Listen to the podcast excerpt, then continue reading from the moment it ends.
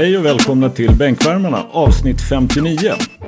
Det är mycket märkliga tider vi lever i.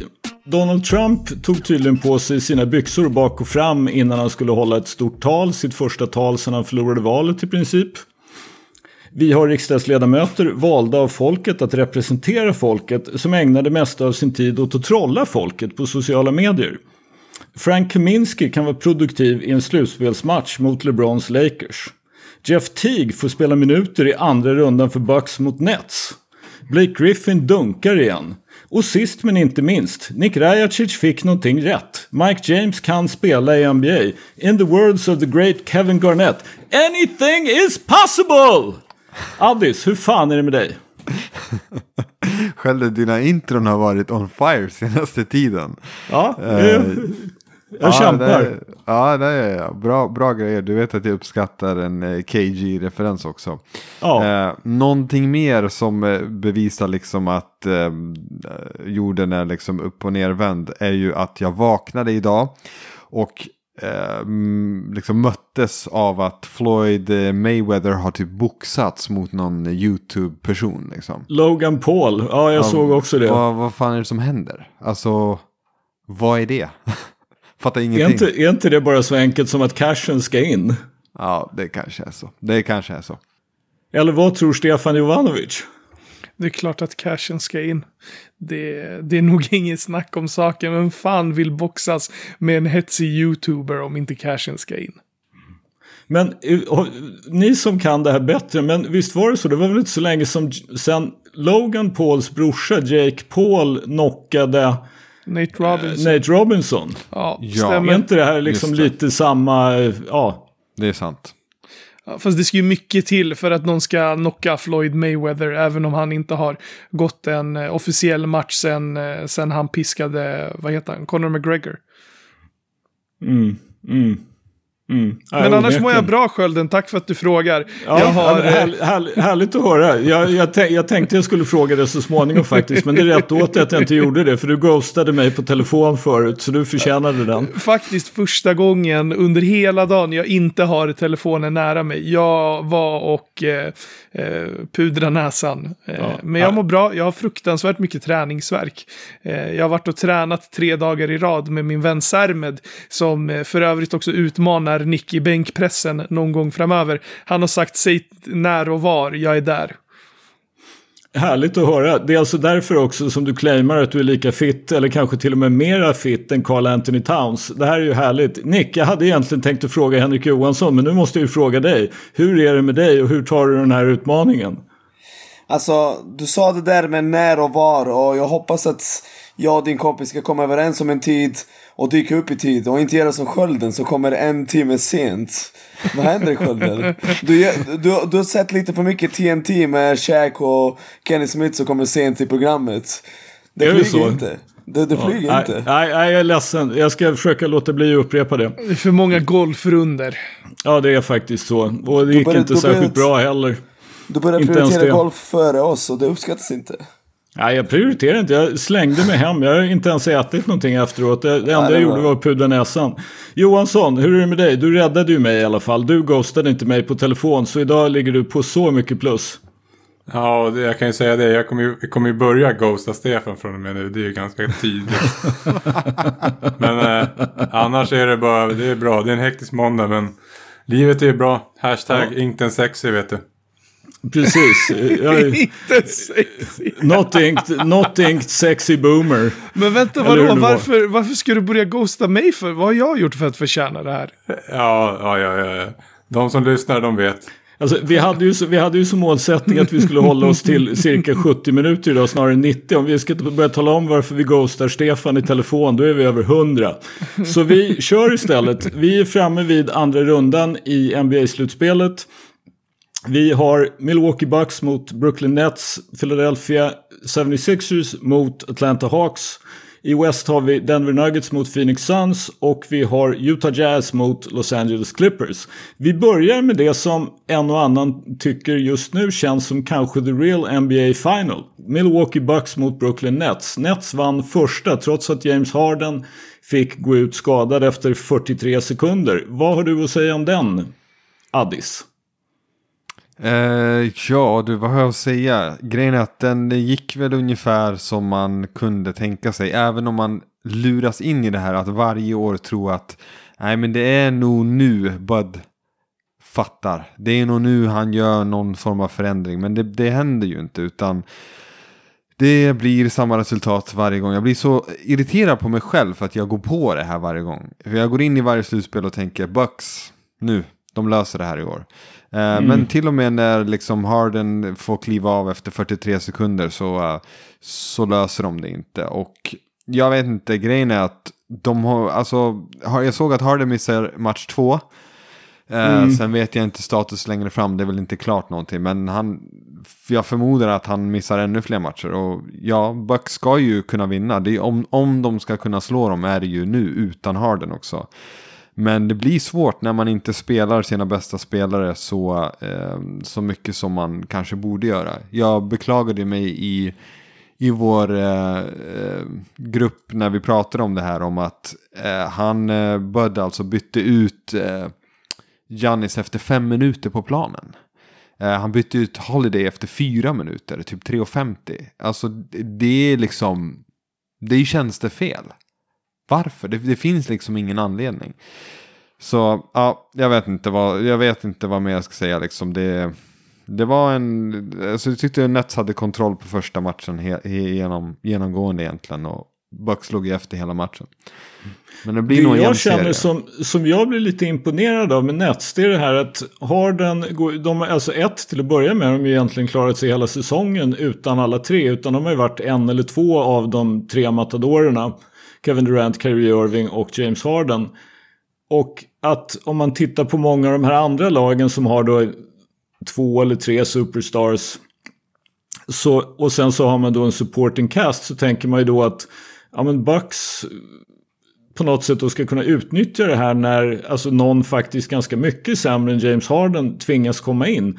Men Brooklyn har ju fått oerhört mycket av sin bänk hela säsongen trots att liksom på pappret, jag menar Blake Griffin helt plötsligt, vad hade han? Liksom 20 poäng, spelar 30 minuter och är, är liksom en produktiv spelare på, till och med, alltså även defensivt. Inte för att han liksom är någon Rudy Gobert eller Draymond Green eller men, men han, liksom, han gör rätt saker, han hasslar som en dåre, slänger sig efter bollar. Ja. De har ju någonting, alltså förutom då så att säga de tre matadorerna så har de ju någonting på gång med även liksom resten av laget och lagkemi. Mm, ja men eh, absolut, och det är, alltså de har ju Alltså deras offense är ju, jag vet inte vart de landade till slut. Det var väl så att de hade historiens bästa offense. Var det så de landade? Jag minns inte riktigt hur det landade till slut, men jag tror det. Uh, mm. uh, om man räknar liksom per 100 possessions så mm. är det den mm. högsta noteringen någonsin. Och man kunde ju se det, alltså även utan Harden. När någon, mm. de bara liksom eh, passar runt bollen på. Det, det är så här, det finns fyra pers som kan skjuta liksom där alltid på planen. Minst mm. liksom. Alltså jag blir, jag blir förvånad när jag ser dem. Att jag, jag tycker liksom att. Ja, men någonstans så tänker man så här. De hade tre sjukt duktiga individuella spelare. Nu är en av dem borta. Men de lirar fan boll. Bollen rör på sig. Och sen har de ju två nu closers i. Kyrie är ju sjukligt bra alltså. Mm. Um, men, men de rör på bollen. Joe Harris får röra bollen. De drivar, kickar, extra pass. Alltså, det är inte bara att det är några riktigt jävla bra offensiva spelare. Jag tycker de har ett jävla flyt i det här och gör det jävligt svårt för Bucks. Mm, ja, men det är det jag menar lite grann med det här just att, att som sagt det är inte bara naturligtvis så liksom bidrar att du har då om, om vi har kört fast så kan vi ge bollen till Durant eller Irving och så får de spela 1-1 och det liksom det finns inte så många i NBA som är lika bra som Kyrie och Durant på att spela 1-1. Men, mm. men just det här att liksom flytet de har i anfallet och liksom, ja men är Break Griffin öppen från tre, skjuten. Joe Harris förstås är du öppen från tre, skjuten. Men liksom Tyler Johnson, är du öppen från tre, skjuten. Ja, nu är inte Jeff Green med, men alltså bollen går och som sagt den som får ett bra skott skjuter den. Mm. Nej men verkligen. Verkligen. Sen ska men... sägas att Middleton hade ju en ruskigt dålig match. Han gick 6 mm. av 23 och alltså i en normal match så ska han sätta många, och de var ju iskalla från tre också, Bucks, hela matchen. Mm. Så att jag tror ändå på en jämn och lång serie liksom. Men uh, han lär ju logga liksom sina bästa spelare kring 40 minuter, speciellt när det andra lagets stjärnor, Irving spelade ju 45 minuter. Alltså, mm. ja. Mm. Nick, vad säger du? Vad har, har Bud någon anpassning att göra förutom den uppenbara då att spela sina större stjärnor fler minuter? Jag lärde mig den hårda vägen i bubblan förra säsongen. Jag stod upp för Bud och sa okej okay, men vet ni vad, vi måste vänta bla bla bla. Eh, jag har aldrig trott på Milwaukee, det vet ni. Och jag tror, jag tror inte på att de går hela vägen just för att Bud är deras coach.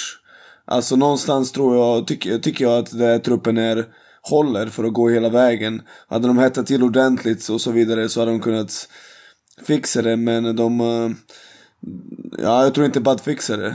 Uh, precis som ni ser hur han byter spelare liksom och... Uh, han, är, han är så liksom besatt av sin ideologi på hur man ska liksom rotera att det... Ja, det, det kommer inte funka. De kommer inte att vinna NBA-titeln med Bud som coach. Ja, som sagt, Nets lirar alltså Kevin Durant 40 minuter och han har ju varit, liksom, han har ju missat en hel del matcher i år. Kyrie Irving har ju också missat en del matcher även om det var ett tag sedan. Han spelar 45. De har problem och ingen av hans spelare har foulproblem. Janni spelar 35, Middleton 36 och Holiday 37. Jag har svårt att tänka mig att någon av de här tre är i sämre form en, alltså rent fysiskt så att säga, än Kyrie Irving och Kevin Durant. Mm. Han ger alltså egentligen 15 minuter till Bobby Portis och Jeff Teague. Och. Conaton och Bryn Forbes. Som han skulle kunna ha på sina bättre spelare. Det är faktiskt lite svårt att begripa. Mm. Mm. Ja, eh, vi går vidare. Nästa omgång i East är ju då Philadelphia mot Atlanta och Atlanta snodde första matchen borta mot Philadelphia. Du har ju sagt det, du är ju on record Stefan med att säga att Atlanta ska slå ut Philly. Jag är on record med att säga att jag skulle sätta emot. Nu har vi ju inget vad på det där men, men du är ju upp 1-0 då för tillfället. Vad säger du om det? Nej, men eh, det finns väl inte så mycket mer att säga än att eh, eh, så här, det, det jag kan ta med mig från den här matchen, det är att eh, egentligen inget lag har något att sätta emot Joel Embiid när han är dels på spelhumör, men också är frisk. Nu är han ju lite halvskadad och eh, det märks till viss del. Men samtidigt så räcker det tillräckligt mycket för att han, alltså det, han, han kan demolera Atlanta Hawks när han vill. Eh, så hans hälsa är ju liksom den enskilt största faktorn i det där. Eh, sen så undrar jag ifall eh, Trey Young kan fortsätta eh, liksom eh, plocka isär eh, det här försvaret. För även om Nix är det bästa försvaret i NBA och Atlanta Hawks har slagit ut New York Knicks så ska vi inte glömma att eh, Philadelphia 76ers har eh, betydligt fler eh, bättre så här, individuella försvarare. De har Green, de har Thibault, de har eh, Ben Simmons, de har Embiid och Dwight Howard. Liksom. Så det kommer smälla ganska ordentligt där. Eh, förutsatt att Trey Young pallar och eh, fortsätter liksom att luckra upp alla de där låsen eh, så kommer det eventuellt att bli bättre för Hawks då. Men det här var ju en ren och skär stil. Eh, Philadelphia försatt sig i den här situationen för att de egentligen slarvade oerhört mycket eh, i, i början av matchen och Atlanta sköt fantastiskt bra. Eh, jag minns inte exakt vilka siffror eh, de låg på, men jag vet att, eh, att Philly hade typ sju eller åtta turnovers i första perioden, vilket bara det är alldeles för mycket. Jag tror det var nio till och med. Nio till och med. Och sen så var det ju väldigt nära där. Det såg vi allihopa. Det var sjukt nära att Philly kom ikapp och gick förbi. Och det är lite så jag tror att den här serien kommer att fortsätta vara och att den eh, ultimat uh, slutar på sju matcher. Mm. Man ser ju det. Philly startfemma klarar sig ju trots då den här rätt risiga första korten. Så de är ju plus allihop. Men när du kommer till bänken så är Dwight Howard minus 15. Thibault mm. minus 12. Korkmas minus 12 och chockerande nog George Hill minus 17 på 11 minuter. Mm. Medan Seth Curry då som är plus 16 på 36. Man kan väl konstatera att det här att uh, trada Seth Curry mot Josh Richardson var ju en så här måttligt smart move av Dallas Mavericks. det skulle de ha gett fan i. Ja, den är hemsk. Ja, jag skulle vilja se det här. någonstans så är det här. Alltså. Motpolerna är ju Trey Young är fruktansvärt bra när en defensiv center backar av och låter honom mm. komma in i lane och få floaters. Uh, Joel Embiid vill inte gå upp och dubbla. Alltså, det är två motsatsförhållanden som blir ganska intressant att se. Nu försökte de vara mer aggressiv mot Trey i andra halvlek. För i första mm. halvlek så han mördade dem. Alltså han mm. hade ju lekstugan han kom in med sin floater. Han är ju makalös på den där jävla floatern. Eh, så det ska bli intressant att se det. Och sen även då om det är så att han måste släppa bollen hela tiden så blir ju Bogdanovic blir en, en sjukt viktig spelare. Alltså han är ju fruktansvärt bra. Jag tror inte många inser hur bra han är. Men han kommer ju få en enorm roll i deras framgångar om de ska hela tiden försöka dubbla Trey och få bollen ur hans händer. Och det glädjer mig att, eh, att eh, folk börjar se det, för jag vet att eh, jag och Nick har ju av naturliga skäl alltid haft ögonen på honom. Och vi har ju sett honom gå både ett och tvåa i Partizan, i Fenerbahce och framförallt då i landslaget. Och det glädjer mig att han till slut då har liksom kunnat translata alla de här egenskaperna och bli liksom en av de bättre rollspelarna i NBA. Alltså, for, det finns, uh, här är några spelare som tjänar mer än Bogdan Bogdanovic i år. Chandler Parsons har fått mer, mer han betalt har, i år. Har han fortfarande det där sjuka Har Parsons fortfarande mer betalt? ja, ja. Hur långt är det där kontraktet? Är han i Atlanta? Är han där? Nej, jag tror inte han spelar inte basket. Nej. Han, Uh, och sen liksom har ni snubbar som Gary Harris och liksom Han är, han är så underskattad, det är löjligt. Och det är väldigt roligt att han hamnar på den här scenen och får ta de här stora mm. skotten för att Killen är ju en killer liksom. Hade han spelat för Milwaukee Bucks uh, och det var ju väldigt nära att det skulle bli kvar. Uh, klart. Jävlar vad bra de, de hade varit. Och ändå hade de inte gått till final för att bad coach. Men men ja, han är bra och Atlanta Hawks, de är förvånansvärt breda. De är eh, bra men det är lite som med Denver. Vinner de titeln då skulle jag bara tappa haken och ja, sluta existera typ. Alltså det, det kommer inte hända. Mm. Eh, jag kan ju bara säga, var det inte så, alltså när du nämner Chandler Parsons, var inte han, blev inte han påkörd eller något sånt där, någon som var rattfull? Minns jag helt fel då? Ingen har aldrig hört det här. Ja, Jo, någonting sånt var det. Han fick ju något så här... Eh, jag vet inte, så det var ju typ att han behövde inte spela längre men han fick ut kontraktet eller jag kommer inte ihåg vad det jo, var. Men Hawks, han, Hawks det var något, han blev ju nästan förlamad. Ja, det var vi också hade för mig. Hawks wavade ju hans kontrakt eh, när det nu var. Hans då expiring 25,1 miljoner. Och det var väl inför den här säsongen vill jag minnas. Som de ja. wavade Chandler Parsons. Vad sjukt, jag har helt missat den här storyn. Men jag läser ja. nu att Drunk Driver ruined the rest of Chandler Parsons basketball career från okay, december. Det var hemskt. Jag tror i och för sig att han var ju, alltså han hade ju spelat typ sju matcher på fem år. Äh, men, jo, jo, jag fattar. Så jag men, tror att han hade förmodligen blivit waved ändå. Men just, just när det där hände, jag tror att det var... Ja. Ja, Side vi kan ju note. höra här. Det är ju, det är han fick traumatic brain injury. Oh, Disc herniation och torn Jävlar. labrum. Alltså. Jag har helt missat mm. där. Samma här. Ja, är som sagt tragiskt, tragiskt för Chandler Parsons. Ehm, men vi rör oss vidare då. Vi går från öst till väst. För vi kändes för rätt klara med det här med Philly Atlanta. Jämn serie, inte över en. Eh, Denver Phoenix. Denver slog ut Portland till sist och Phoenix slog ut Lakers. Johansson, ta oss igenom Denver Phoenix. Ja, det är två saker som jag vill titta på. Alltså främst. Alltså Phoenix tror jag ändå är det bättre laget. Men det kommer ju hänga mycket på nu. Vad, vad är statusen på eh, Chris Paul? Alltså.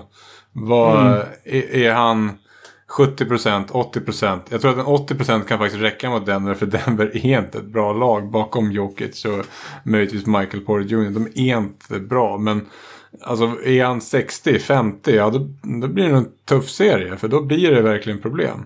Och den andra grejen är den att en som faktiskt överraskade enormt i Lakers-serien tyckte jag var Aiton. Och mm. hur kommer han klara sig då mot Jokic? Eh, fick höra att under säsongen körde de lite samma taktik som mot, med Porten. Att de lät i princip Jokic gå en mot en. Och vi såg ju hur fan det gick mot Portland. Jokic total dominerade. Um, så ja, det ska bli intressant att se. Det, rollspelarna i Denver behöver steppa upp om de ska ha en chans. Mm. Hittills är väl den som har gjort bäst ifrån sig är väl Jamal Murrays ersättare Monte, eh, Monte vad heter han? Monte Morris va? Morris. Mm, ja, Morris, precis. Ja, han hade en riktigt bra match senast men det var ju återigen, det var ju typ så här till slut så beslöt sig Portland för att helvete, han bränner oss. Så nu bör, började de gå dubbla och då, ja, nej. Jokic mm. är, ja, med sin storlek och sin passningsförmåga så är han ju... Jag har ju sagt att jag tycker att han är en av de absolut bästa passarna i hela NBA. Eh, och han hittar folk något fruktansvärt. Alltså det är... Ja. Mm. Morris snittade alltså 15 poäng och 6 assist i serien då mot Portland. Och det är ju liksom då när du har Jokic och Michael Porter Jr. så har, då har du ju i alla fall liksom embryot till så att säga. Du har två, två väldigt, väldigt bra spelare. En superstjärna och en superstjärna in waiting i Porter Jr. Och sen då Monty Morris som tredje hjul. Det för han var ju mer tredje hjul än Aaron Gordon faktiskt i den, här, i den här serien. I alla fall offensivt. Gordon spelar förstås roll i försvar, men ja. Jag jag vill bara säga en som... gång till att, att Nikola Jokic är en av de bästa offensiva spelarna i NBAs historia. Alltså jag, jag tycker verkligen det. Att, att, han, att de vinner ganska komfortabelt, okej okay, inte komfortabelt, men de går vidare med 4-2 utan Jamal Murray. Och med spelare i rotationen som jag inte hade en aning om vilka de var för några månader sedan. Det är sanslöst. Han gör alla omkring sig så mycket bättre. Han är, han är maskinprogrammerad att ta rätt beslut och lyfta sitt lag. Och, nej, jag tycker på riktigt att han är Alltså det är typ topp 15, topp 20 offensiva spelare i NBAs historia. Eh, det intressanta är ju det där med, med Jokic just det här att som sagt de försökte ju spela honom liksom straight up och försöka få bort hans passningar. Då har han 33 poäng och 10,5 retur och 4,5 assist ändå. Och då tror jag att i första matchen hade han väl bara en assist. Just för att så att säga att Portland tyckte ja, ja men det är bättre att han får skåra än att han liksom skär sönder oss med sitt passningsspel. Men och då gjorde han ju det och passade bollen när, när det liksom funkade istället. Så han gjorde ju mer poäng än vanligt och något färre assist. Men liksom han, han åstadkom ju i princip samma resultat som han har gjort hela den här säsongen. Det är som sagt lycka till att spela försvar på Nikola Djokic. Vad, vad, har du för tips, vad har du för tips där nu? Du trodde ändå lite grann på Phoenix om, om Chris Paul är frisk, Johansson. Ja, jag tror på Phoenix. Alltså, men är det någonting Denver har visat de senaste åren är så här, de lägger sig fan inte lätt. Så att det blir ja, sex eller sju matcher. På något mm. sätt så har de ändå en jävla förmåga att, att hänga kvar någonstans. Och mycket av det bygger, tycker, tror jag faktiskt, på, på Jokic. Alltså, eh, för jag hörde en podcast där det var liksom en story om honom där han hade gått efter de hade åkt ut. Var det någon sån här, det var någon sista match mot Minnesota, vem som skulle in på liksom, vem som skulle få åttonde platsen eller inte. Och då hade han ju efter, i planet efteråt gått runt till varenda spelare och sagt att det här kommer aldrig hända igen. typ. Eh, mm. Mm. Så det finns ju ändå någonting där. Och jag tror att det är ett ganska tufft lag. Jag tror inte de vinner, men jag tror att de tar det till 6 eller 7.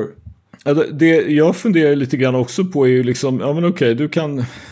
Phoenix kommer säkert att försöka spela då DeAndre Ayton på, eh, på Jokic. Men det känns inte som att det är en så bra matchup för DeAndre Ayton egentligen. Och alternativen är ju typ liksom Dario Saric och Frank den, Frank den famöse Kaminski.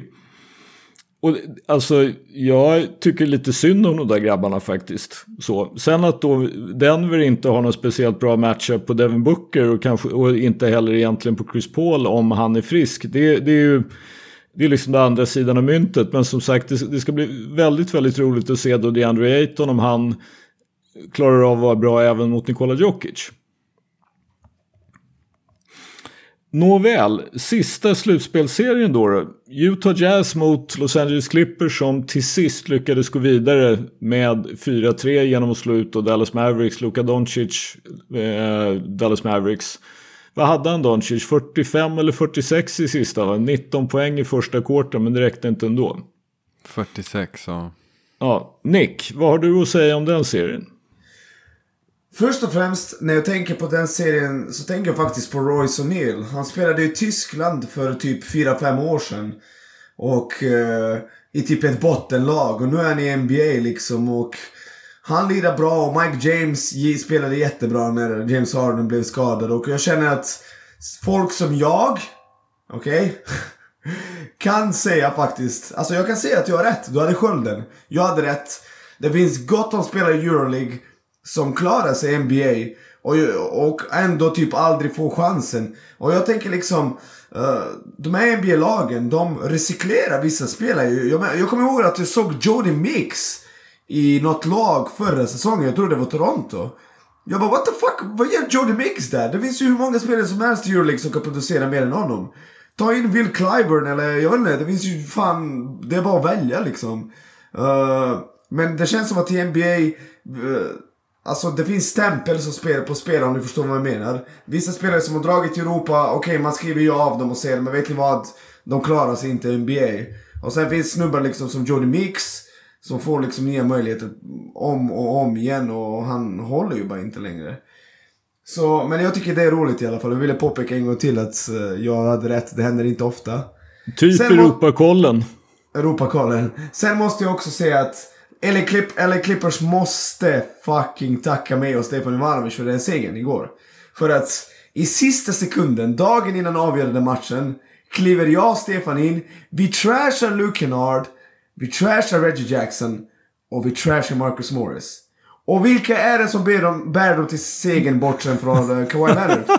Det är Luke Kennard, som spelat typ 10 minuter i hela serien innan den matchen.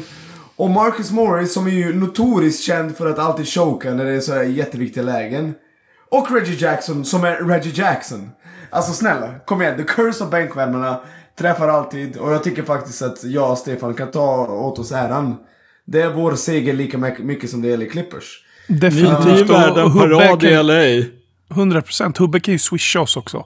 Hubbe får fan swisha en hungrig, hungrig var faktiskt. Alltså på riktigt, snacka om att steppa upp i sista sekunden. Det är så, liksom... så vänta nu. nu, nu vill jag hålla koll på det här. Stefan vill alltså ha en medalj av Mikko Rippinen, en tröja av Pelle Larsson och swish av Hubbe. Stämmer. Ja, jag vill bara dubbelkolla. Det är bara, alltså, det är bara det är, alltså, alltså, ett, ett, råd, ett råd till alla er är så, som sagt att liksom prata med mig och Johansson om det här om att ghosta Stefan. Så liksom bara sådär, ja. Ja, men bara så här, Pelle, när, när det kommer till just Pelle. Han brände oss. Det vore inte mer än rätt att han ersatte mig för min tid. Det vore inte mer än rätt. Jag, jag, jag är lite med på, på ett signerat Arizona-linne faktiskt. Jag tycker uppriktigt sagt att eh, Pelle kan skicka fem signerade Arizona-linnen. Bara sådär, liksom det, det, det, skulle kännas rättvist. Men, men medalj och parad och sådär tycker jag kanske är att ta det ett steg för långt. Alltså om vi, ska vara, om vi ska vara ärliga. Skulle vi göra en lista på alla som är skyldiga oss grejer för att vi kastat Curse of bänkvärmarna på dem. Den listan skulle vara otroligt jävla lång. vi... Och vi skulle kunna pensionera oss allihop om ja. folk hade vett nog att swisha. Exakt, swisha oss ja. lite.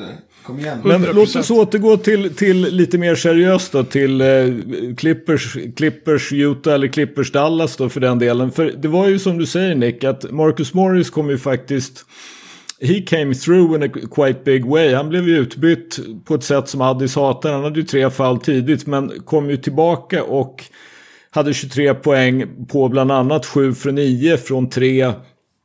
Och var ju faktiskt liksom ganska duglig i försvar. Nu funkade ju helt plötsligt det här som liksom har varit det man har trott ska eh, kunna bidra till att Clippers är ett väldigt bra lag. Just att du kan i princip då byta nästan på alla med Kawhi, Paul George, Marcus Morris och då i någon mening vem, vilka fler du nu har på golvet. Men, men det var ju kanske framförallt att de fick igång anfallet som gjorde att Dallas faktiskt inte orkade.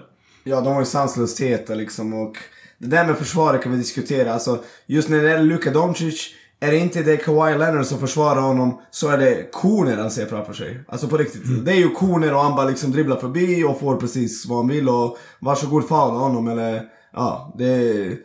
Jag tyckte, jag tyckte ändå att man såg en tendens med Luka här. Nu hade han, han hade 19 poäng i första kvarten, sen kommer jag inte ihåg, hade han 29 i första halvlek Addis? Var ja, det så? 29.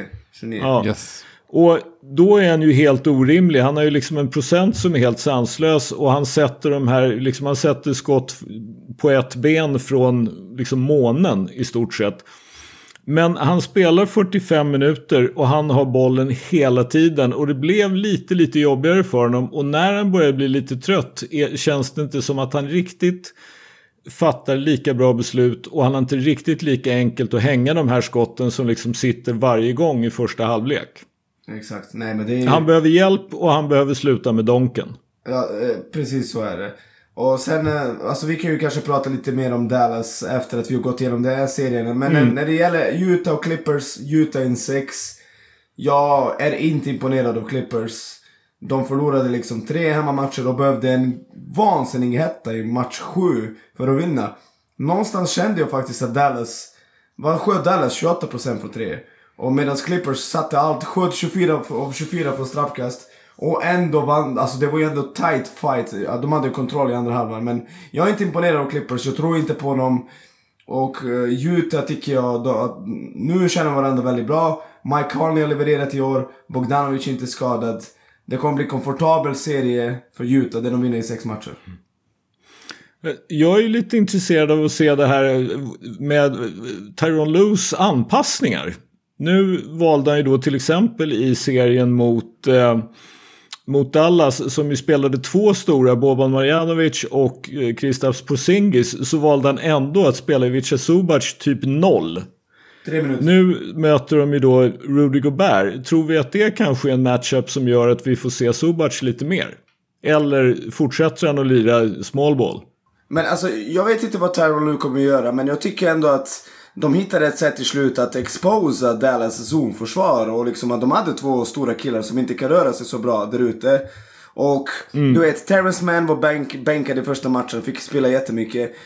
Eh, Kennard var bänkad, kom in i sista matchen och du vet, han fick chansen, satte 3-3. Jag tycker ändå att Lo har gjort sina anpassningar. Jag tycker fortfarande inte att han är, han, att han är på Brad Stevens eller Quinn Snyders nivå när det kommer till X's and O's. Långt ifrån. Mm. Men uh, han gjorde liksom det Jonathan Hubbe drömt om hela sommaren. Uh, och ja, nu har de vunnit en serie. Mm. alltså, jag, jag, jag, tror faktiskt på Clippers i den här serien på något sätt. Alltså, de har fortfarande extrem talang. Um, det kan bero på att jag inte riktigt litar på Utah heller. Men uh, jag skulle säga så här, med gäller loose handpassningar. Han hittade fem killar som kunde, alltså som någonstans passade ihop. Och och jag tror inte han kommer överge det. Jag tror inte att Gobert kommer skapa någon rädsla som gör att Subas får lira mer. Jag tror att, okej okay, om det hade varit Jokic, det hade varit en annan mm. sak. Han hade kunnat bränna dem på ett annat sätt. Gobert, fångar han den två meter från korgen och han inte har rakt bara vända om Eiffeltornet dunka, då, då, kan, då gärna, posta upp du, kör. Uh, mm. Kommer Utah posta upp Gobert 20 gånger, då ett, det kommer inte gå bra. Två, ingen i världen kommer vilja se den serien. Men, men du Johansson, vad tror du då? Att Clippers tar det i sju eller sex eller fem? Ja, eller vad sju. Sju. Okay. Mm. Jag tror Clippers i sju. Alltså någonstans är det så här. Vi, vi pratade om det lite i gruppen om så här, vem man litar på. Ja, alltså Kawhi är fortfarande fruktansvärt jävla bra. Alltså. Ja, Han kan ta mm. över en matchserie. Alltså Eh, det är ju det någonstans här, kommer han klara sju matcher? Det är det som jag är lite tveksam över. Men pratar vi individuella matcher så tror jag att han kommer prestera fyra matcher bra nog att kunna verkligen dominera. Ja, alltså jag, jag vill bara få det på papper också, men jag har Utah som eh, favoriter här och jag, jag tror de vinner i sex eller någonting. För jag tänker så här också, Kawhi, eh, han var galet bra men det kommer vara skillnad att möta Utahs svärmande defense och han kommer Precis. inte kunna liksom attackera korgen på samma sätt. Dallas är fan, ja de körde med två bigs men de är ganska risiga liksom eh, runt korgen och eh, deras defense överlag. Medan Utah har i princip NBAs bästa defense varje gång Gobert är på planen. Så att jag... jag har också Utah in six. Mm. Skölden. Jag, jag, är nog, jag, är nog, jag är nog också faktiskt på Utah-tåget. För jag, jag, tror att, jag tror absolut inte att Utah kommer att posta upp Gobert. Däremot är det ju så att eh, ett, han är bra på att sätta screens, två, han är bra på att rulla. Och om de spelar smått, så liksom, det är ju inte som att de ger Boban, alltså de försökte ju, Dallas försökte ju ge bollen till Boban på high post, men det kunde de ju liksom sätta stopp för. Men Gobert om han rullar till korgen och får en lobb, liksom, vem, vem i det här liksom, sällskapet kommer att kunna stoppa det tillräckligt ofta? Och då får Utah utrymme för sina skyttar. Så jag, jag tror ju att, alltså, men jag, jag, för, jag, tror också att det, liksom, det är 6-7 matcher. Det, det, är ju ganska lite det handlar om hur det ska gå. Men jag, jag är nog lite på Utah-tåget jag också. Och jag kan inte lämna den här serien när, utan att prata om en anpassning till Tyrone Lue gjorde. Och det var ju att jag tror att han spelade Nicolas Batum 18 minuter i första matchen. Han spelade honom 41 minuter och 34 sekunder i sista. Och Batum var ju direkt bra. Mm. Inte som liksom ett eller två i ett lag, men, men fjärde hjulet liksom. Kanonmatch. Sen, sen, sen vill jag säga en sak. Uh, i, I serien mot Memphis hade Utah fem spelare som snittade minst 17 poäng per match. Eh, mm. Det är helt annan typ av försvar du måste spela. Luka fantastisk, otrolig. Vi kommer prata om det snart. Uh, det han gör är otroligt, men det, till slut är det lättare att försvara en spelare än fem. Mm.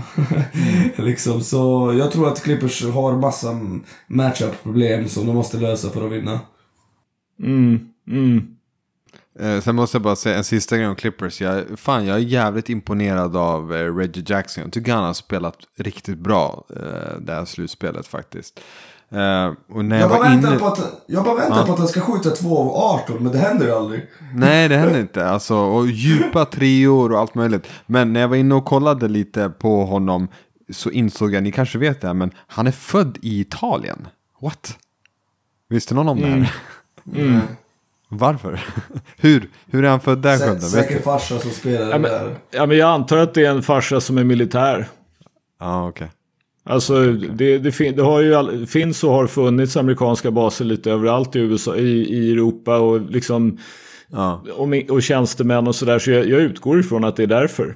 Ja, jävla random. Där har ju Italien inte gjort jobbet. Han ska ju ha spelat eh, 40 landskamper för Italien kan man tycka. Mm. Men, men. Mm. Mm. Absolut. Ja, men vi tänkte ju också att vi skulle diskutera lite grann framtiden för några av lagen som åkte ut i första rundan nu. Och vi har ju pratat lite grann om Dallas, vi kan väl lika gärna fortsätta att göra det. Eh, vem har något på vad Dallas ska göra? Alltså de har ändå Luka Doncic. Det, alltså, det är ju det man brukar säga är den absolut svåraste byggstenen. Hur får vi till en superstjärna, en av NBAs liksom tre eller fem eller sex eller sju bästa spelare. Det är, det är svårt att vinna en titel utan den typen av spets, den typen av super, ja, liksom superspelare.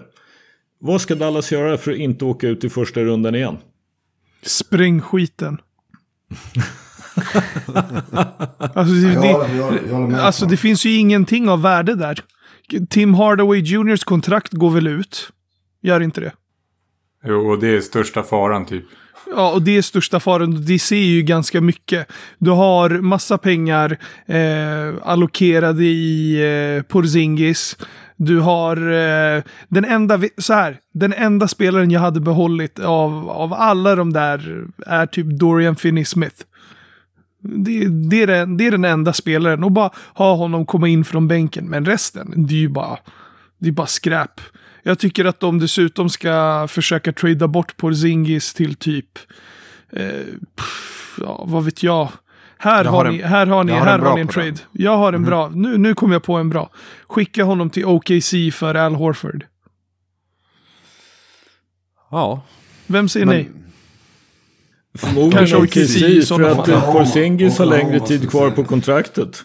Ja. säger nej. Ja, okay, ja, om han har längre tid kvar på kontraktet då finns det inget att hämta. Men eh, förutsatt att eh, de tänker att ah, okej, okay, han passar vår tidslinje ändå lite bättre. För Porzingis är ju en, eh, han är ju inte en han, han kan ju fortfarande lira i NBA.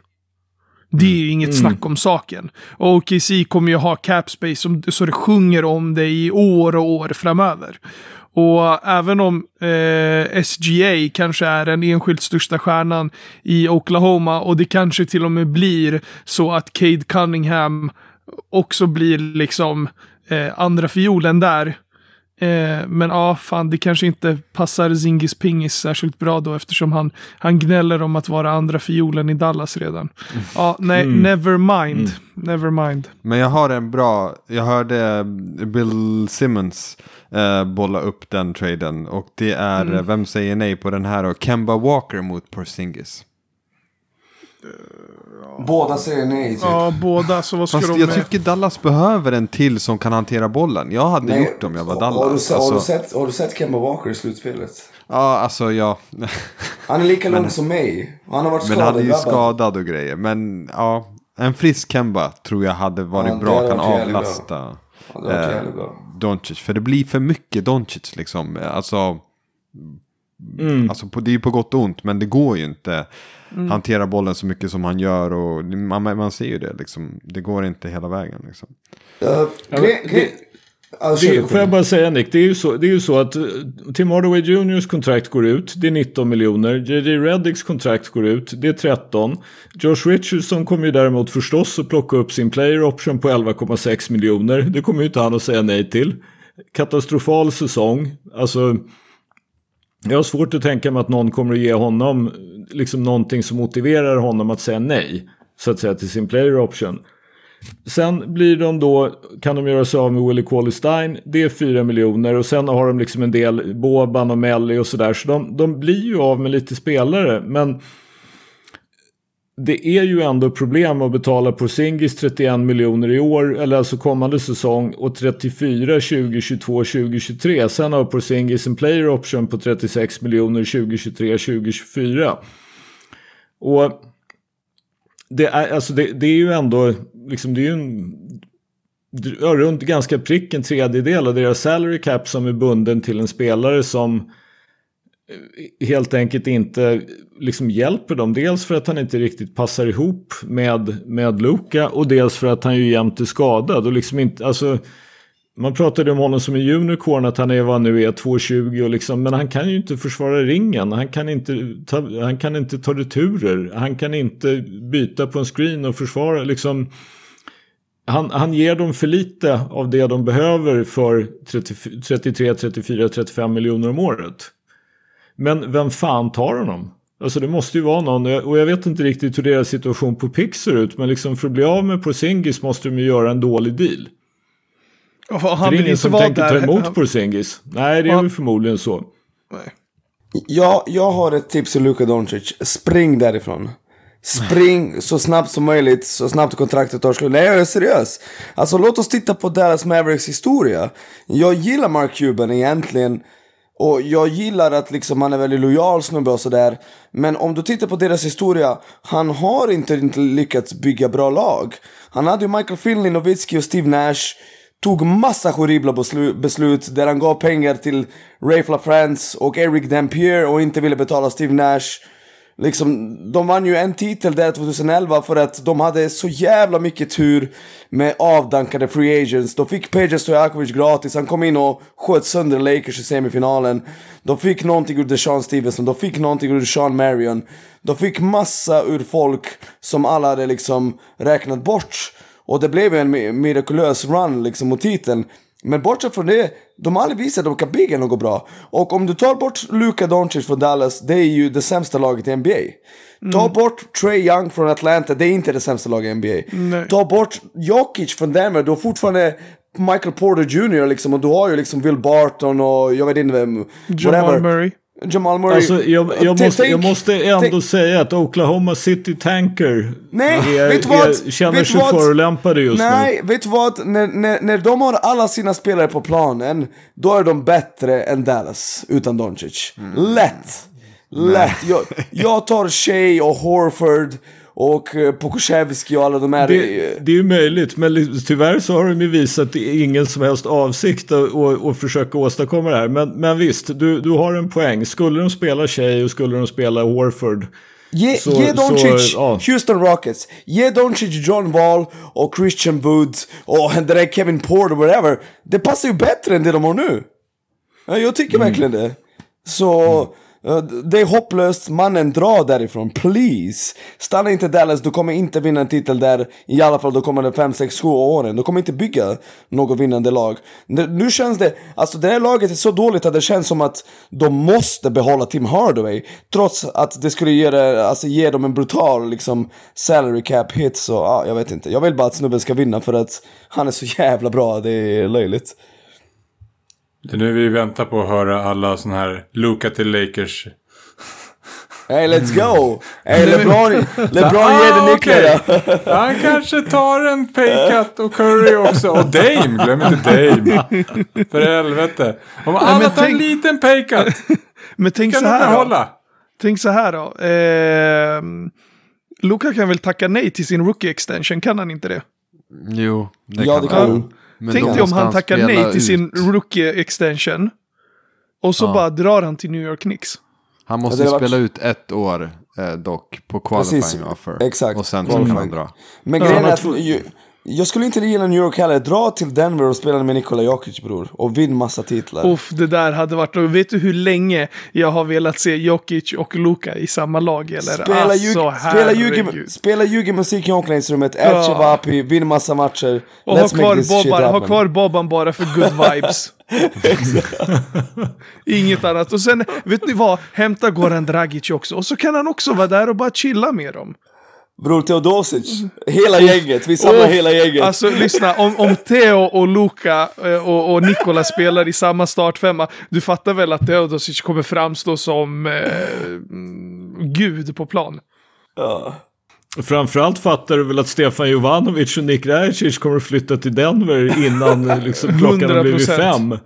100 procent. De här har ju dock, alla de här spelarna har ju faktiskt överlappande skills. Jag vill se Doncic med typ Embiid Faktiskt. eller någon. Alltså, Nej men, där. uh, Addis, jag, jag Ja. tänker på en sak. Jag tror faktiskt att Jokic och Doncic skulle lösa det offensivt. 100 Galant. procent. Däremot, däremot behöver de ingen mer playmaker. Då är det bara, Nej, resten ska bara vara shooters liksom. Ja, bara 3D-gubbar. Ja, exakt. Ja, Men de två exakt. löser det. De två skulle liksom göra så att de gör 120 poäng per match. Jag är Ja. ganska säker på det. De kan släppa in 100, 110, men de hade ju gjort 120-130 per match typ. Ja, det har de faktiskt gjort. Så vill man ha Trey Young och Embiid i andra laget. Sen är det Let's Go. Kul match fan. Fast hade verkligen Trae Young och Embiid passat? Ja, för fan. Ja, på Hade pappret passar de mer med Doncic och Jokic egentligen. Men jag tror att Doncic och Jokic är så pass smarta, de skulle lö lösa det lätt. Ja, det är klart de alltså. Ja, men det skulle ju vara intressant att se vad Luka skulle kunna göra just i, i alltså för det första då spela en pick and roll med Jokic och för det andra lite då och då så att säga inte komma upp med bollen och vara den som liksom skapar det första utan kan få bollen och har fått liksom en kvarts sekund ljus eller lucka tack vare Jokic.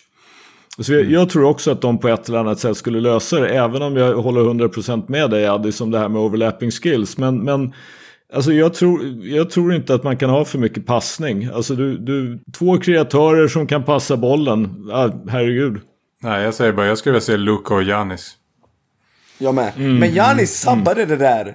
Den där dumskallen. Ja. Jag ville ju att de skulle spela ihop. Men han förlängde Ja, ja. med Milwaukee. Fan vad dum han är på riktigt alltså. Ja, alltså, De- jag skulle vilja se de två ihop. Alltså, det- någon, alltså de skulle kom, Alltså då skulle Giannis kunna vara mer defensiv men samtidigt rimrun slash, alltså Ja, allt det så där. jävla bra. Så jävla bra. Alltså, det hade varit läskigt. Men okej, eh, så här. Tänk om eh, Denver ringer Dallas en dag och så säger de ni får Jamal, eh, Jamal Murray, ni får Michael Porter Jr. och ni får en pick för Luka. Säger Dallas nej? Ja, de säger inte en chans att de säger ja. Okej, vad, vad mer krävs för att de ska säga ja? De skulle, ingenting. Det finns inget i hela NBA de, de skulle... Han är en sån spelare som är untradable. Mm. Okej, men säg att han, inte, att han verkligen inte vill vara kvar. Att han gör exakt samma sak som James Harden gör. Oh. Bara att istället för att gå på fester och strippklubbar så kampar han utanför McDonalds. Och Nej, har då- Fortnite-tält. Då, hade de, då hade de tackat ja såklart, herregud. Ja, definitivt. Ja, vi, vi går vidare. Jag hade, jag hade egentligen tänkt att vi skulle prata om Portland, men Nick har pratat så mycket om Dallas nu så vi kan inte låta honom eh, liksom sitta och chatta om dig i tre timmar heller. Och Lakers kan vi inte heller prata om riktigt än, så jag föreslår att vi gör ett jättehopp och går till New York och låter Addis ta lead på New York. Vad tycker du om New York? Var befinner de sig? Vart ska de? Vad, vad ska de göra? Mm, ja, alltså problemet det är så här. Jag tycker lite synd om sådana här lag som gör en för bra för säsong eh, för vad de är, om ni förstår vad jag menar. Phoenix, där hände ju de många år där jag vet inte om ni minns, men de typ missade playoffs något år och de vann typ 48 matcher och höll på att snurra där med typ Gerald eh, Green och sådär. Eh, vann en massa matcher och då missar man viktiga picks i sin rebuild och istället blir man fast i något så här läge där du typ, ja du kanske kan make the playoffs men det, inte så mycket mer kan hända. Och du måste eh, betala Randall. Ja, precis. Måste hålla på. Vill du ha kvar laget ska du betala Randall nu och sådär. Jag, jag hade ju nästan hoppats på att de hade liksom hamnat sämre i år, fått en bra pick och kunna bygga på det. Men nu, nu är de ju där de är. De har ju tips så att det kommer ju aldrig hända. Mm. Eh, så de får bara, ja, alltså så länge de har tips där så är det väl bara lika bra att gasa. Försöka få någon i free agency, vem det nu kan vara. De har hur mycket cap space som helst så de kan ju signa vem som helst. Problemet är bara att det finns ju inga bra att signa. Jag minns inte på rak arm vilka som är free agents i år, men det är väl inte sådär Kawhi. Jätte... Eh, Kawhi, är han det redan i år? Han kan bli. Han har ju player option med, med Clippers sista året. Uff, alltså om de inte vinner i år, då är det ju ja. läge för honom att tagga. Och varför skulle han då inte dra till New York? För att hans farbror bor på västkusten typ. Ja men det, hela den där Uncle Dennis-grejen och allt sådär. Alltså, vi, vi har ju inte fått något av det där bekräftat. Nej. Så frågan Nej, är. Vet inte. Fast vi, vi, har ju hade... fått det lite grann bekräftat i och med att han lämnade Toronto efter att ha tagit, liksom Toronto kunde erbjuda mest pengar och de har precis vunnit. Och han valde Los Angeles Clippers. Det, det ja, får man ändå säga att det, det, han, han vill ju, och han kommer väl från Los Angeles från början. Så han vill ja, ju han kommer från San Diego som är tre och en halv timme ifrån LA. Men ja, men var inte det en av grejerna varför det vart så mycket tjafs med förra året med Clippers? Det var väl typ att han... Han flög helikopter till typ matcherna. Ja, men typ han skulle vara i San Diego. Jag jag minns det här i alla fall. Jag, inte, jag, ska inte svära på det, men typ att så här, vissa var irriterade för han hade lite specialregler. Vi får kolla att, med Hubbe ifall, mm, eh, vi får fact-checka ja. med Hubbe det där. Ja, precis. Men ah, jag vet inte vem de ska signa faktiskt. Men de, de får väl lägga pengar på någonting. För att det är ingen mening att ha tips i en rebuild. Alltså det, finns, liksom, det kommer ju aldrig hända. För att han kommer ju bara gasa sönder dem. Liksom. Ja, de, de, ja. de, hade, de hade ju ett lag för rebuild i år. Men, men Tibbs vill ju som sagt annat. De blir ju av med, liksom, de har ju hur mycket cap space som helst. Som sagt, under kontrakt ja. nästa år så är de under 50 miljoner. Ja. Det, och de har då dessutom, ut, förutom då sin cap space så har de tror jag faktiskt alla sina future picks i rätt mm. många år, inklusive någon pick från Dallas som, Dallas, som då Dallas gav upp för att få på Singis. Ja, men ja, det, det klarnade. Det de behöver göra är att sign, använda sin cap space på eh, liksom byggstenar som kan skeppas vidare. De behöver nå sin eh, guy eh, genom en trade. Så eh, signa liksom eh, team-friendly kontrakt eh, kunna skeppa det med pix och landa någon den vägen. Jag tror att det är det enklaste sättet för dem att, att få en eh, superstjärna. Vad behöver liksom. Nix då? För att... Eh, vad behöver de för spelare? en point guard. Dame tack. Lillard. Ja, det känns Lillard, som att baby. de behöver en point guard. Det skulle jag också ja. säga. Dame, Dame, skulle väl passa bra med Randall till exempel. Ja, till exempel. Dame kan man inte göra en upgrade jätte... på Bullock typ? Alltså. Jo, Mm. Men det är väl backcourten liksom skulle de behöva. Eh, ja, alla behöver vingar. Mm. Jag tror de tar i princip vad som helst. Men, men ja, en point guard är väl det de har skrikit mest över. Eh, Chris Paul är ju ett exempel så. Men alltså, jag vet inte om jag hade velat signa upp honom om jag var Nix faktiskt. Uh, hur bra han än är liksom, så är han fortfarande 36 år. Så. Och skadar sig hela tiden känns det som i slutspelet. Ja, det också. Det också. Mm, mm. Ja, ska vi hoppa då, då? Då går vi tillbaka till Portland. Är det någon som har någonting att säga om Portland förutom Nick? Som ju bara kommer att säga att Dame ska dra. Spräng det. Han sprängde. Kul att eh, Terry Stotts har fått gå. Efter alla dessa jävla år. Av Ja, absolut det är ju, ingenting.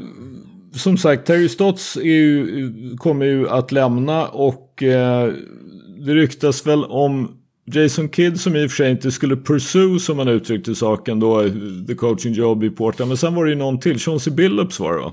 Som det pratades om, som det ryktades om. Alltså vad är det för namn? Alltid Billups. Det, det pratar. Glöm inte Mark Jackson. Mark Jackson är alltid med. Han finns där i bakgrunden. Men han, är- det- han, Mark Jackson är alltid redo, men alltså för fan vad trött Ja. jag är på att höra Chauncey Billups. I varenda grej, Chauncey Billups, Chauncey Billups. Och, och sjukt förresten, alltså när jag såg den där nyheten om att Jason Kidd inte inom citationstecken skulle pursue, då vart jag bara så här, aha, okej. Vem fan bryr sig om Jason Kidd? Ja, Lillard tydligen. Alltså, det, det, jag fattar inte. Varför skulle han bry sig om Jason Kidd? För att han, det är säkert för att han gillar honom som spelare typ. Det är enda realistiska. För han kan ju inte gilla honom som tränare. Han har ju inget track record överhuvudtaget. Nej. Jason Kidd är en värdelös tränare. Sett till sitt track record. Jag tycker någon som borde få en ny chans är Kenny Atkinson. Ja, det, Ja. det är ett bra namn. Där har vi, där har vi en tränare. Men alltså, vi har ju ett, ett konkret problem till och det är ju det att Dame, CJ McCollum, Nurkic och Robert Covington är under kontrakt och är nästan exakt 100 miljoner. Sen har Norman Powell en player option på 11,6 som jag har ingen aning om. Han, liksom, han är väl en sån som jag inbillar mig att han vill ha mer. Han vill ha ett längre Ja. kontrakt och få Ja. liksom 2025 eller vad, vad som nu är rimligt. Derek Jones, Derek Jones Jr har en option på 9,7 miljoner som det väl är sannolikt att han kommer att tacka ja till. Och då sitter de ju lite grann där i, i den här sitsen igen. Att liksom, ja, om de har sin starting femma som inte tar dem någonstans och de har ingen cap space. Exakt. De, du vet, Stephen A. Smith sa på något program bara I've heard Carl Anthony Towns is being mentioned. Jag bara håll käften för fan. Vad fan ska de göra för Carl Anthony Towns? Du kommer aldrig någonsin få honom. Det, alltså anledningen till att Jason Kidd inte vill dra dit är ju att den situationen inte är ljus. Och jag ser samma sak jag sa till Luka Doncic. Spring! Bort därifrån, broder! Vad gör du? Alltså han kommer inte heller vinna. Och liksom, vi såg ju, han gjorde allt han kunde. 34 poäng per match, 40% på treor. Skjuter som en gud när matcher avgörs. Det spelar ingen roll, det räcker inte. Och jag vet att några av er älskar CJ McCollum. Men CJ McCollum är inte ens en allstar. Han är nice spelare, han är bra poängare. Han är inte ens en allstar, han är liksom... Han... Jag vet inte, jag vet inte. Jag, jag blir bara frustrerad för Dame är så jävla bra. Och det räcker ju bara inte. Han kommer aldrig vinna liksom i Portland. Han måste ju inse det. Ja, men run de- baby, de- run! Alltså om man, om man, tänker, om man tänker ändå att Dame, man, Portland vill ju förstås inte trada Dame av rätt uppenbara skäl.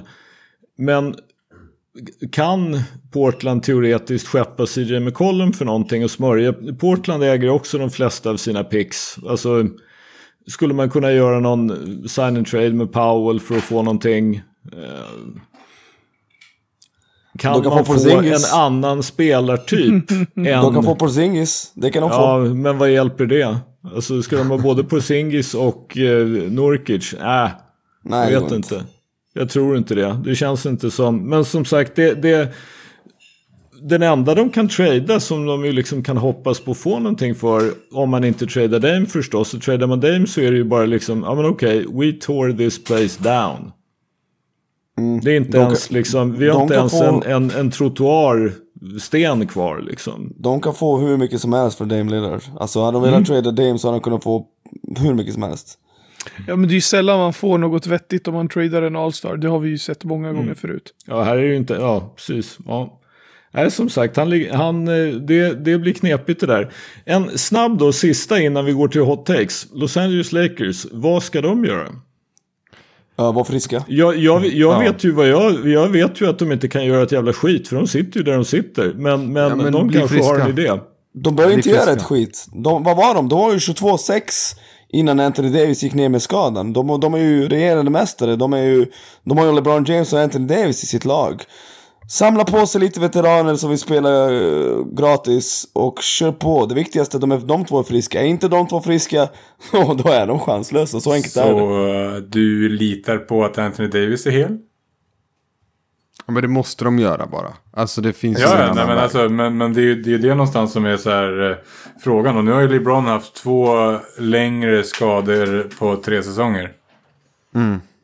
Alltså ja. någonstans eh, hans, hans eh, superhero spela genom allt har ju just nu fått en liten Nej, det är buckla i sig. Det är över. Han, han är ju mänsklig nu.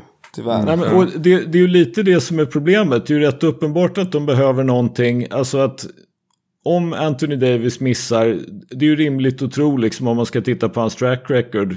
Om han har en bra säsong så missar han 10-15 matcher.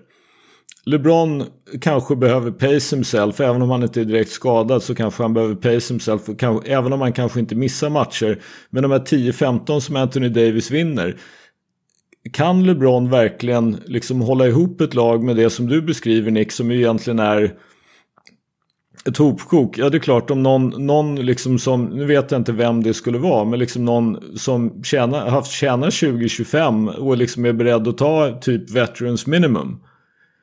Alltså en riktigt bra spelare, ja men okej då, då förändras ju allting. Men deras ekonomi är ju faktiskt sån att de sitter i sjön. Alltså det är de. Kuzma har 13 miljoner. Caruso, alltså för de hamnar ju också i den här situationen att att hitta andra spelare än sina egna gör ju att de inte, alltså då åker, ryker ju sånt här som mid-level, mid-level player exception. De blir repeater tax och de får betala liksom helt sjuka summor i, i luxury tax. Så alltså, de sitter ju liksom riktigt, riktigt dåligt till för att kunna göra förändringar. Dennis Schröder vill ha pengar. Och han är ju ett av de största fiaskorna. alltså. Ja, jävlar mm. dålig han var. Mm. Men grejen är, ju den, grejen är ju den att hur ska de få någonting annat? Just för nej, att nej. de kan signa Schröder om de är beredda att betala för honom. Men ja, vem, vem vill att de ska betala för Schröder och sen göra någon form av sign trade? Jag vet inte. Jag, jag, som sagt, jag har sagt det förut. Jag tycker Lakers sitter... Visst. Trader Kuzma hade varit nice men det är ingen som vill ha honom. De kan skeppa honom till Guangdong Southern Tigers eller liksom Shanghai Sharks. Om Stefan Marbury kunde liksom flytta till Kina och bli en ikonisk lirare, varför kan inte Kuzma göra det? Snälla gör oss en tjänst, flytta till Kina. Jag orkar inte titta på den här snubben och folk som pratar om hans fucking potential. Han är ju fan dålig! Hur svårt är det att förstå? Han är inte bra! Eller är det någon här i den här podden som fortfarande tycker att han har potential? Nej, han är väl typ 25 nu. ja. Alltså Jesus Christ. Nej, men alltså, han, han är ju, inte vet jag, men liksom, det är klart att han kan spela i NBA. Men han är ju inte liksom något tredje eller fjärde hjul i, i ett titellag. Utan det är ju liksom, ja men han kan väl vara, på Sunny Day så är han väl kanske liksom sjua. 8-9 mm. snarare. Ja, ja men jag sa ju under Sunny Day Nick. Jag sa ja. inte... Och sen, och sen att han säger efter matchen, åh oh, jag växt som fan och jag har blivit en winning player. Bara, åh, oh, oh, fy fan. Fy fan. Skeppa ja, honom till Dallas för Porzingis. Där har vi det, det, det, är faktiskt så att han, han är 25 men han fyller 26 den 24 juli. Så oh, det, det, är ju svårt att tro, det är svårt att tro att han ska bli eh, att han liksom ska ta quantum leap nu, då borde han ju så fall redan ha gjort det. Men vad då, Terrence Mann då? Precis, det, han fyller 25 snart. Var det, inte du som sa det, var det inte du som sa det, Addis? Eh, T-Man och Zoo, nya T-Mac och Yao Ming. Exakt. Terrence Mann alltså. Han är, han är ja, sjukt. 25 bast. Men alltså, han, Terrence Mann är ju helt okej, okay, men som sagt han kommer ju inte bli den som tar över efter Kawhi och Paul George. Utan liksom, ja, ni har, ni har vad det nu kan vara, liksom en energisnubbe från bänken som kan vara er sjätte eller sjunde eller åttonde gubbe beroende på om solen skiner eller inte. Men, men som sagt, det är ju inte en... en ja, han är grattis. snart 25, han kommer inte att vara liksom två eller tre i ett lag som vinner en titel. Det har jag jävligt svårt att se. Nej. Och detsamma gäller förstås då Kyle Kuzma. Nåväl, det känns som att vi skulle kunna tjata om det här en stund till. Vi förutser ändå vissa problem för Lakers och allting beror på om LeBron och Anthony Davis är hela eller inte. Och ni vet ju vad jag har sagt om det där. Jag tvivlar ganska starkt på det. Och med det är det ju då läge för hot takes. Nick, du brukar ju vara mannen som liksom vevar igång vår motor på det här. Du är ju liksom väldigt bra på det. Ja, uh, tack Skölden. Uh, eh, så här är det, jag, uh, jag börjar bli väldigt orolig över sättet folk pratar om basket på sociala medier. Och, och nu kommer ni säkert säga, ja men släpp det, det är bara sociala medier, bla bla bla. Nej, jag funkar inte så. Jag, jag älskar Twitter, jag hänger på Twitter hela tiden. Jag ser saker och jag reagerar. Och jag börjar bli så jävla trött på det där. Att det, allt är så svartvitt. Allt är svartvitt. Har du vunnit en match, du är hur bra som helst. Har du förlorat en match, då är du kass. Har du gått till final och vunnit, då är du en liksom Championship caliber player. Har du inte gjort det, så är du inte det. Alltså, var är nyanser? Var är liksom kontext? Var är detaljer? Var är liksom Eh, Eh, alltså det börjar försvinna på riktigt. Alltså folk pratar ju på ett helt sinne. Och då, då, där inkluderar jag även före detta spelare och experter. Alltså skit de säger är ju otroligt. Och jag, jag tar Devin Booker som det bästa exemplet. Alltså jag har ett par ögon. Jag ser att han är sjukt bra på basket. Alltså jag ser att han är otrolig. Men du vet, folk sa ju fem år i rad, ja, ah, nej, den här snubben, nej, han är, du vet, han bara samlar på sig stats. Och så får han Chris Paul och nu vinner han matchen i slutspelet. Och nu är han helt plötsligt hur bra som helst. Nej, han är ju... Ja, det är klart att han går framåt hela tiden. Men han var ju svinbra förra året också. Alltså folk har tappat förmågan att liksom analysera. Utan det är okej, okay, nu har du vunnit. Du är hur bra som helst. Dagen efter förlorar du så är du sämst. Det är jätteirriterande. Alltså jag är orolig för hur basketsnacket kommer utvecklas liksom. Och hur man kommer bevaka basket i framtiden. Det är ju helt idiotiskt det här. Jag blir på riktigt irriterad. Mm, mm. Ja, jag, jag i, i, någon mening håller, håller till 100% med dig faktiskt. Det... Ja, det är så jävla irriterande alltså. Jag, jag såg folk kritisera Luka Doncic efter gårdagens match. Man bara, men han gör ju 46, 15, 10 typ. Nej, det är, det är så jävla sjukt. Nej, han vann inte. Han, han har inte det i sig typ. Alltså... Det, det, går ju att titta, det går ju att titta på det där på ett helt annat sätt. Som jag, som ju även jag brukar säga, även om jag tjatar om det här med winning player. It's fucking hard to win. Alltså, vilka har åkt ut i första rundan i år? LeBron, LeBron har Luka. åkt, Dame har åkt, Jimmy Butler har åkt, Luka har åkt. Oh. Alltså det, det, är svårt att vinna. Och en sak till i det här, det är ju nästan en halv hot, det är ju inte en hot take utan det är ju bara liksom. Men jag menar, det finns ganska många spelare som är ganska bra och det är ju då, ja men hamnar du i rätt situation. Jag menar Brooklyn Nets har ju lyckats göra Tyler Johnson som var i princip ute ur ligan här om året till en spelare som kan spela 15 minuter för en titelkandidat. Rätt situation, rätt coach, rätt medspelare. Det är ju liksom spelarroll. Det är, ju, det är ju helt avgörande. Det spelar ingen roll hur bra du är. Hamnar du i dålig situation så kan du inte göra ett piss. Luka är hur bra som helst. Han, han kommer inte vinna med det laget. Alltså det finns ju bara inte. Och då vill vi inte höra folk säga att han är inte är vinnande spelare liksom. Eller, ja oh, kolla Trey Young har vunnit en slutspelserie före honom. Man bara, va? Det, det är bara att inte förstå basket och säga sån här skit. Nick, facts. Jag ska... Facts, exakt. Det är bara straight facts. Alltså är inte vi ganska bra på att göra det här själva? När gör vi det? När gör vi det? Ja, alltså det är bara så här. Så fort, för så fort man råkar nämna någonting om att så här, ah, men det ser ut som att LeBron kanske inte riktigt är samma dominanta spelare. Du hatar honom! Du tycker han är sämst. Vem har sagt det i den här podden? Ja, men det, vi, vi, vi tar ju ytterligheter ganska ofta tycker jag. Jag, jag håller i och för sig med dig Johan, men jag tycker samtidigt i och med att vi är fem stycken som inte tycker likadant så bidrar vi ju till att nyansera diskussionen och vi kräver ju liksom lite spets i argumentationen av varandra. Så även om jag på sätt och vis håller med dig så tycker jag att vi, vi klarar oss ju undan från att bli korkade. Ja. Som kollektiv. Sen kan en och annan av oss lite då och då vara korkad, men som kollektiv klarar vi oss 100% undan att vara korkade. Okej, okay, okej. Okay. Ja. Ja, vi går vidare till nästa hot take. Hot take. Addis, har du en hot take idag? Uh, Ja men alltså typ, jag vet inte hur jag ska formulera den bara. Men jag, jag vet inte om det är att folk inte längre förstår reglerna. Eh, vad som gäller kring basket. Eh, eller om jag själv inte kan dem. Men jag tycker att de, den här två veckorna som det har varit playoffs typ eller vad det är. Eh, så har jag stött på massa skumma grejer som har hänt. Eh, ni alla kanske såg den här momentum-grejen. Ja, ja det är eh, helt sjukt. Jag hade ingen aning om det. Att man kunde liksom fånga bollen och liksom ditt momentum kan ta dig över halvplan och sen blir det inte backcourt liksom. Och det gäller bara sista två minuter av matchen. Exakt, exakt. Det var mm. den grejen också. Det är dummast. Alltså tänk massa gubbar satt där och bara äh, grabbar.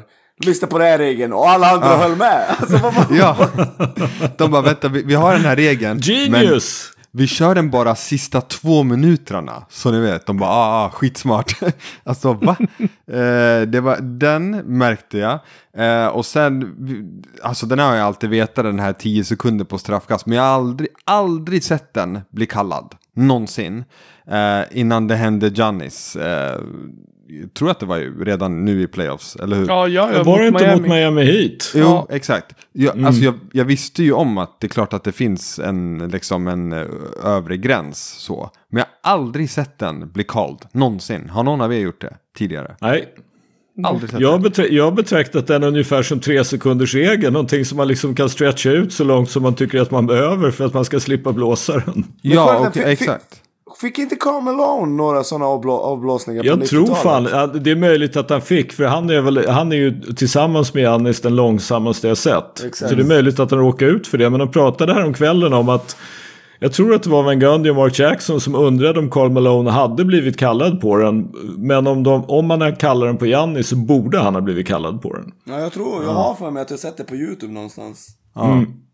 Ja, den var skum i alla fall. Men, men eh, och sen sista jag såg, det var i, i slutet på Philly eh, Atlanta-matchen. När eh, Atlanta rullar ut bollen eh, och Just Trae Young inte plockar upp den. Ja. Och klockan bara rullar.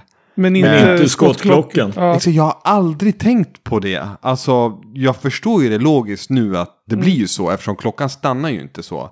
Eh, mm. Det sjuka är att Danny Green liksom inte plockar upp honom. Han mm. fattar inte vad han gör. Liksom bränner 18 mm. sekunder.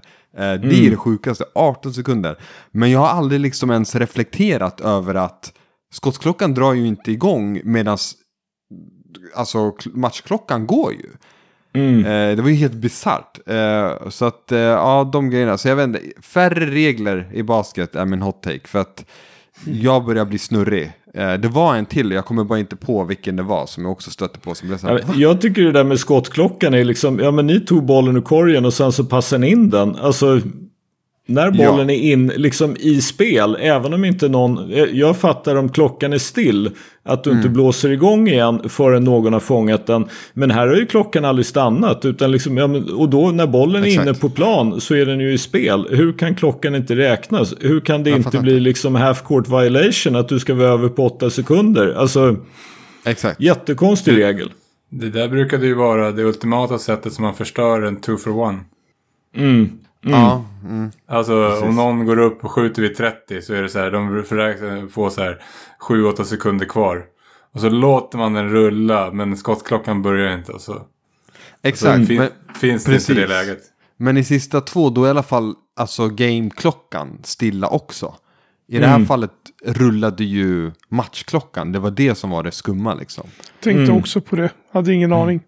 Nej, jag hade ingen aning. Jag bara, ha, okej, okay, liksom. Så ja, färre regler tack, det, det räcker liksom. Vi behöver inte ha, och varför har vi ett eget regelverk sista två minuterna? Jag fattar ingenting. Varför ändrar vi reglerna sista två minuterna? Ja, det är dumt jag, jag köper det där med att, att, så att, säga, att man stoppar klockan efter poäng de sista två minuterna just för att man ska slippa liksom, den här diskussionen om eventuell maskning och sånt där. Det, det mm. köper jag, det tycker jag. Men som sagt, det är ju jättekonstigt att du då egentligen har liksom en legal maskning de första 46. Ja, exakt. Alltså, mm. ja, nej, som sagt, det, det är... Många, många regler är det. Det är ju nästan så golf blir okomplicerat jämförelsevis. Mm. Exakt. Ja, nej, det var det bara jag hade reflekterat över. Färre regler med andra ord. Färre regler, fuck rules. Mm. Mm. Jaha, Johansson, hur går det för dig då? Uh, jag hade tänkt att ta en hot take som var om att uh, och det här kommer såra många 50 plus vita människor, gubbar speciellt, men mygga av Mark Jackson och Jeff Van Gundy. Men jag tänkte ta en annan. Uh, och det är faktiskt, jag vet inte om det blir en hot take, men uh, jag vill säga så här. Jag tror aldrig någon kommer kunna ersätta Hasse Andersson, det han har gjort för Boston. Jag tror inte det finns någon som har gett så mycket för Boston uppe i Östersund. Och basketintresset är allmänt och det är ett enormt hål som jag tycker att vi saknar just nu. Så att um, det finns väldigt mycket ska säga, sorg när jag fick höra att Hasse hade gått bort. Han, Hasse och jag jobbade tillsammans kan man säga, liksom i fyra år i princip. Och han hörde av sig nästan dagligen till mig. Och vi hade våra duster och jag, som min sambo sa, jag svor över dem ganska ofta. Eh, för att han skrev saker, speciellt han, han sågade mig vid fotknölarna. Sen kunde han vända och säga att vi var det bästa som fanns. Eh, men jag saknar Hasse. Alltså Hasse har betytt enormt mycket för sporten och jag, jag eh, känner sorg i hjärtat över det. Jag instämmer. Och jag kan lägga till en hot take där. Då, eller jag kan, jag kan följa upp den hot taken med att jag ser bara en lösning för svensk basket på klubbnivå. För att kunna, eller liksom på något sätt faktiskt göra någonting åt det här med så att säga det allmänna intresset för, för SPL här och SPL dam. Och det är ju det att eh, jag tycker det är jättebra att det finns en möjlighet för fans att se matcherna på webb-tv. Och jag tycker att det är jättebra att klubbarna har kunnat tjäna lite pengar på det här i år. Trots att vi tyckte att priset var för dyrt och allt det där. Men om ni vill växa sporten så måste ni skaffa er ett samarbete med lokaltidningarna runt om i Sverige och sända matcherna där.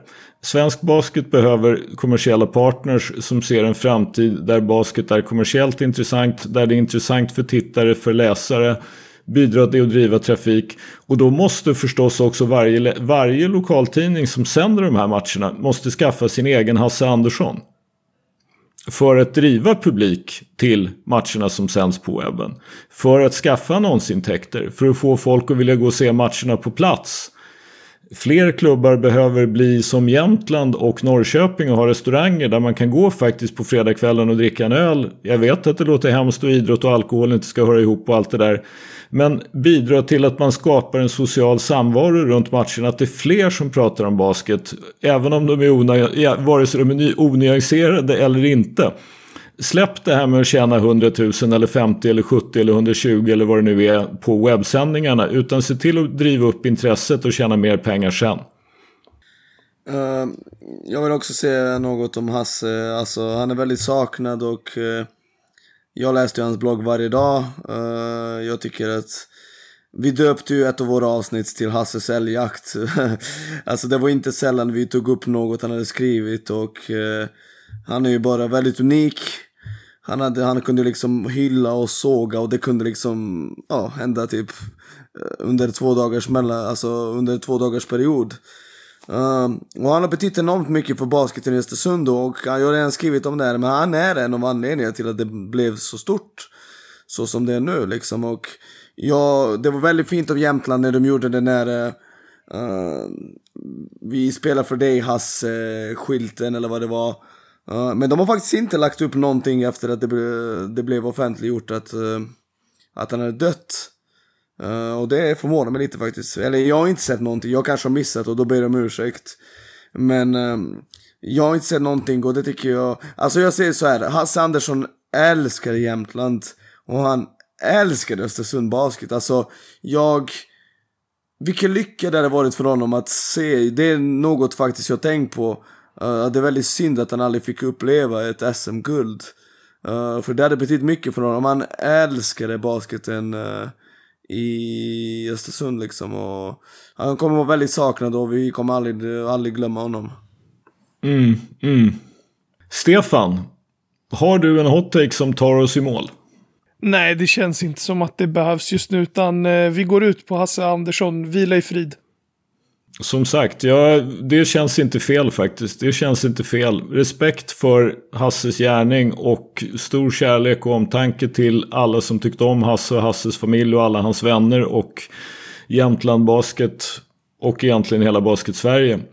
Tack för idag. Avsnitt 59 är slut. Vi hörs igen. Ha det bra. Hej då.